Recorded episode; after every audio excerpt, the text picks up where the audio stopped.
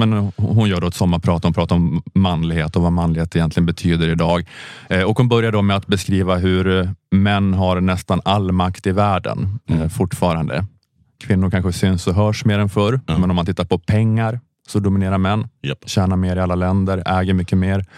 Männen har topppositionerna i politiken och ännu mer i näringslivet. Hon beskriver den här mansdominansen då. Liksom. Mm. Men sen så säger hon män. Mm. Män har de här privilegierna. Män. Men, och nu börjar jag komma till poängen. Alla dessa privilegier, all den makt och det inflytande som män har och som kvinnor inte har. Det verkar inte göra männen lyckligare. Nästan överallt på jorden är det nämligen kvinnor, inte män, som rapporterar att de är mer tillfredsställda med livet. Kvinnor är helt enkelt lyckligare. Hur går det här egentligen ihop? Hmm. Är det där att äga jorden, styra jorden, bli lyssnad på i möten och inte bli kallad slyna bara för att du har en åsikt om nationalekonomi helt enkelt överskattat? Om världen nu är konstruerad för att gynna män, varför är så många män så olyckliga? Är det helt enkelt inget kul att vara överst? Alltså man kan ju då, alltså det går ju att göra invändningar, liksom att man kan fråga sig om det verkligen är just männen som styr världen Nej, som är olyckliga. Det. Just att eh, kanske Murdoch och sånt inte alls är så ledsna.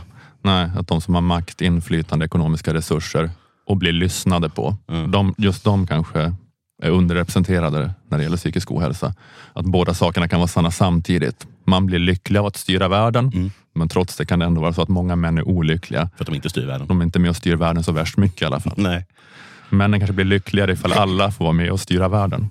Mm. Att vi behöver utveckla mäns demokratiska inflytande på det viset.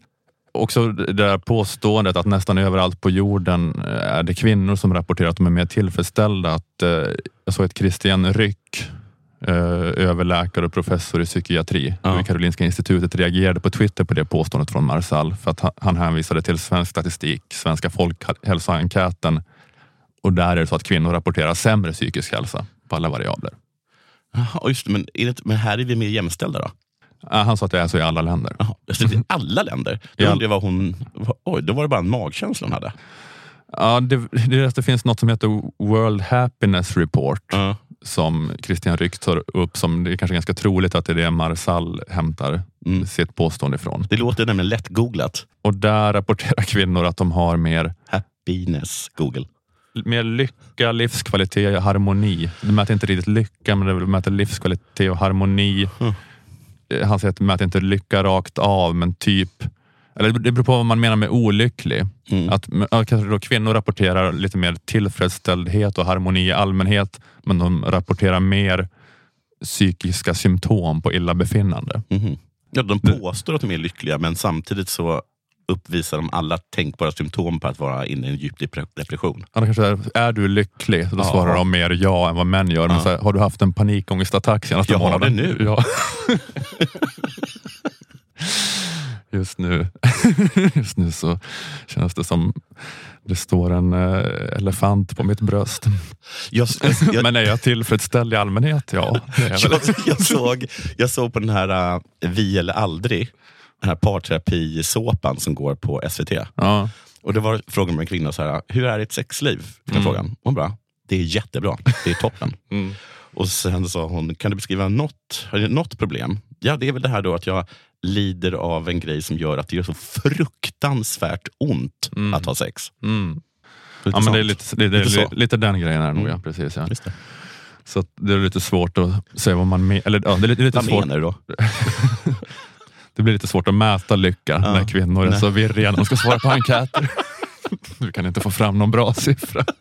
Det är... Med en röst fylld av smärta skriker de ja. Det här var ett litet smakprov. För att uh, lyssna på detta avsnitt, gå in och köp en prenumeration för endast 29 kronor i månaden på underproduktion.se stormens utveckling. På underproduktion finns också info om hur du gör för att lägga in prenumerationsfiden av Stormens utveckling i din poddapp, eh, vilket är att eh, föredra för smidigt lyssnande. Och när du har gjort det så behöver du då inte den här gratisfiden som du är i nu eh, eftersom att även gratisavsnitten dyker upp i prenumerantfiden. Och går du in på underproduktion.se appar så finns det eh, pedagogiska videoguider för eh, de olika apparna. Du kan välja vilken som är din favoritapp som du använder och så finns det en videoguide där för hur man lägger in eh, prenumerantfiden i sin poddapp där.